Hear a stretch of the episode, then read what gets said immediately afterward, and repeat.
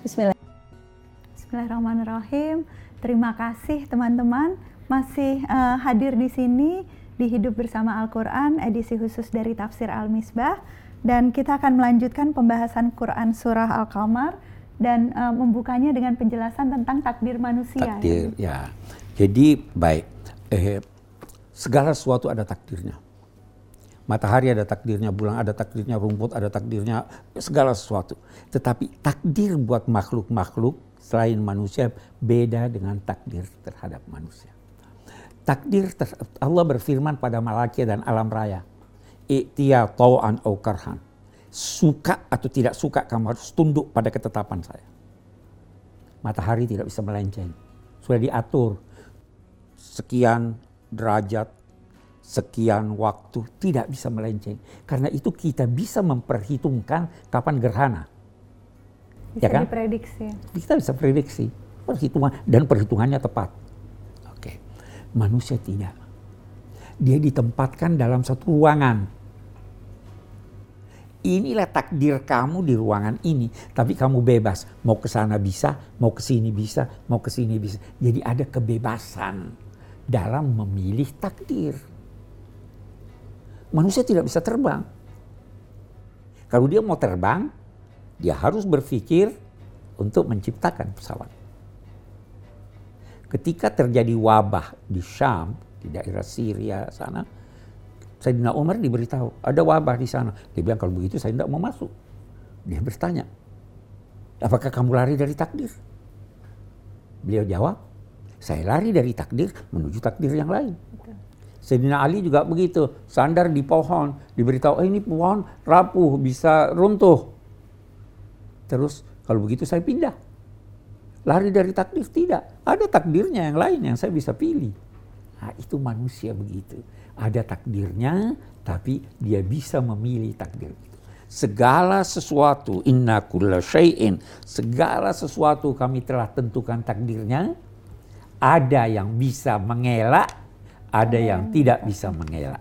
Okay. Tapi sesungguhnya kalau manusia selalu ikut andil dalam kemudian bisa uh, menentukan dalam sistem itu usahanya akan membawanya ke mana gitu. Betul, karena itu manusia adalah makhluk bertanggung jawab. Betul.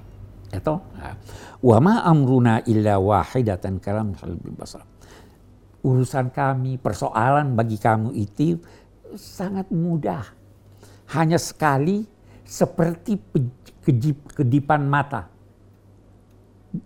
Gampang nggak mengedipkan mata? Gampang hmm. banget. Ella apalagi ada Ella matanya kering jadi sering sekali nah, berkedip. Lama enggak? Nah, cepat. Cepat sekali.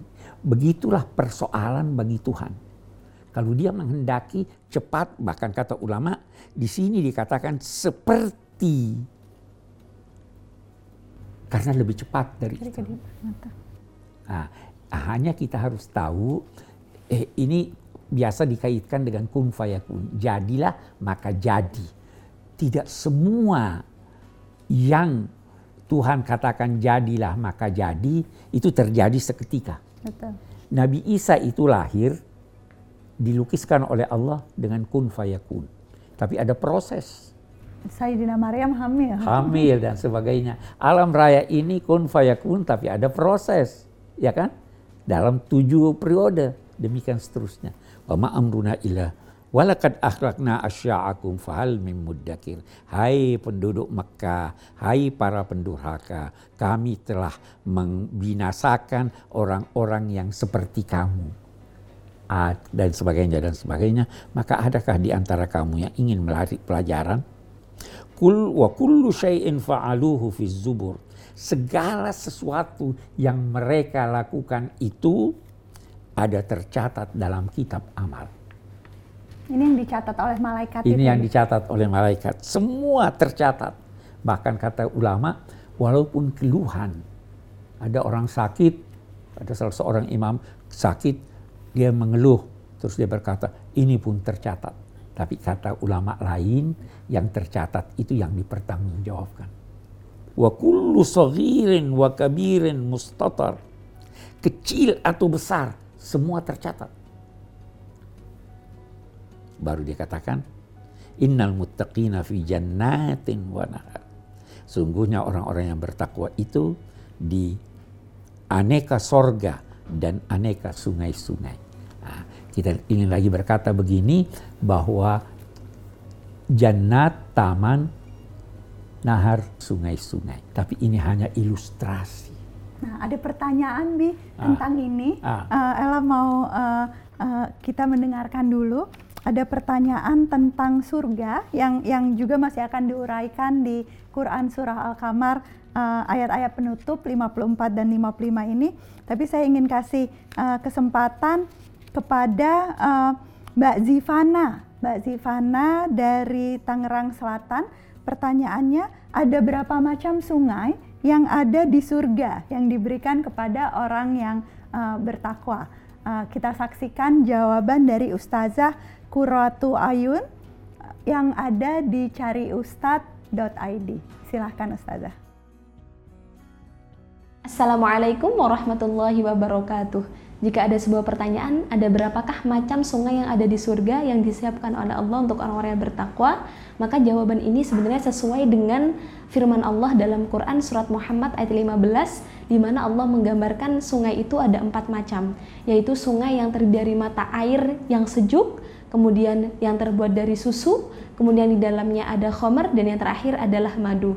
Namun demikian perlu difahami dalam konteks ini Allah menyebutkan bahwa sungai-sungai tersebut adalah mathal atau perumpamaan untuk eh, orang-orang uh, Arab yang mana mereka mendambakan mata air yang banyak sehingga kalau kita merujuk pada bagaimana bentuk surga itu tidaklah bisa dijangkau oleh mata tidak bisa juga dijangkau oleh hati ataupun dijangkau oleh indera-indera kita sehingga uh, dapat difahami bahwa sungai-sungai ini adalah perumpamaan kenikmatan surga yang dijanjikan oleh Allah untuk orang-orang yang bertakwa. Semoga bermanfaat. Wassalamualaikum warahmatullahi wabarakatuh. Terima kasih Ustazah Kuratu Ayun untuk teman-teman yang ingin belajar lebih dalam tentang Islam yang ramah, Islam yang rahmah, jangan lupa untuk selalu uh, bisa menghubungi para ustadz dan ustazah yang ada di cariustad.id. Abi, Ella ingin uh, lanjutkan uraian uh, ustazah tadi soal surga dan ini pula yang uh, digambarkan di penutup uh, Quran surah Al-Kamar ini. Iya, jadi begini. Kalau kita berkata surga, itu Al-Qur'an menamainya jannah jannah. Mengapa sorga dinamai jannah?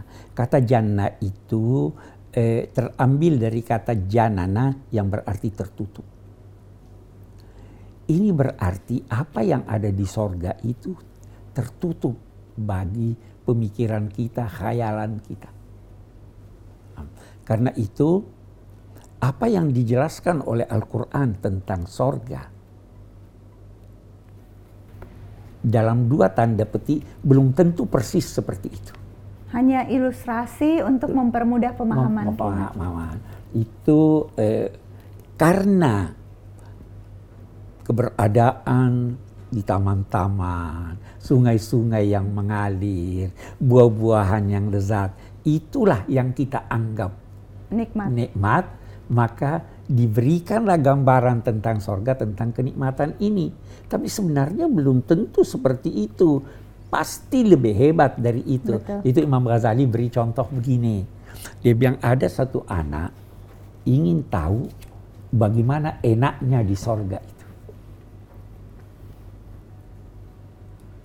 Beliau menjawab, kalau mau jawaban yang jujur, jawab aja saya tidak tahu, mudah-mudahan kamu masuk surga, kamu tahu nanti kalau masuk surga. Amin, amin. Ya kan? Nah, tapi kalau dia mendesak bagaimana? Kata Imam Ghazali, tanyakan padanya apa yang paling nikmat menurut dia.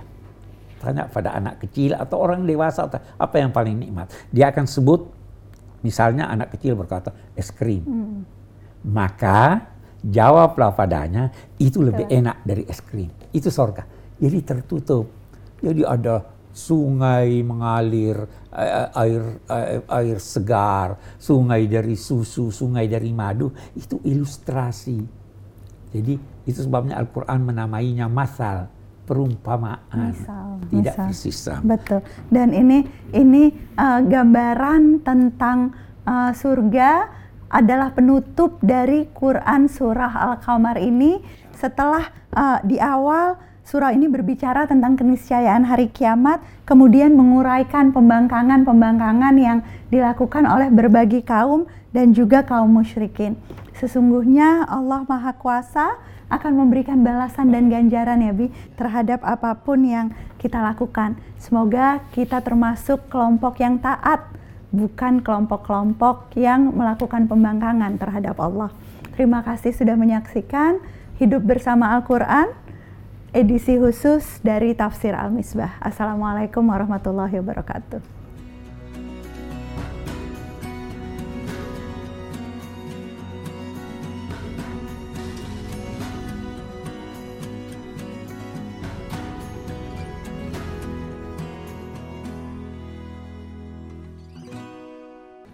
Bait Al-Quran adalah salah satu program pusat studi Al-Quran dalam bentuk pesantren pasca tahfiz khusus bagi santri berbagai daerah yang sudah hafal 30 juz. Sama seperti program PSK lain, pesertanya terpilih dan mendapat beasiswa, diberikan pendidikan dalam bidang tafsir, kajian keislaman lain, dan pembekalan kewirausahawan. Alumni Bait Al-Quran kembali ke pesantren dan kabupaten masing-masing untuk menjadi penggerak Islam moderat di kampung halamannya di penjuru Nusantara.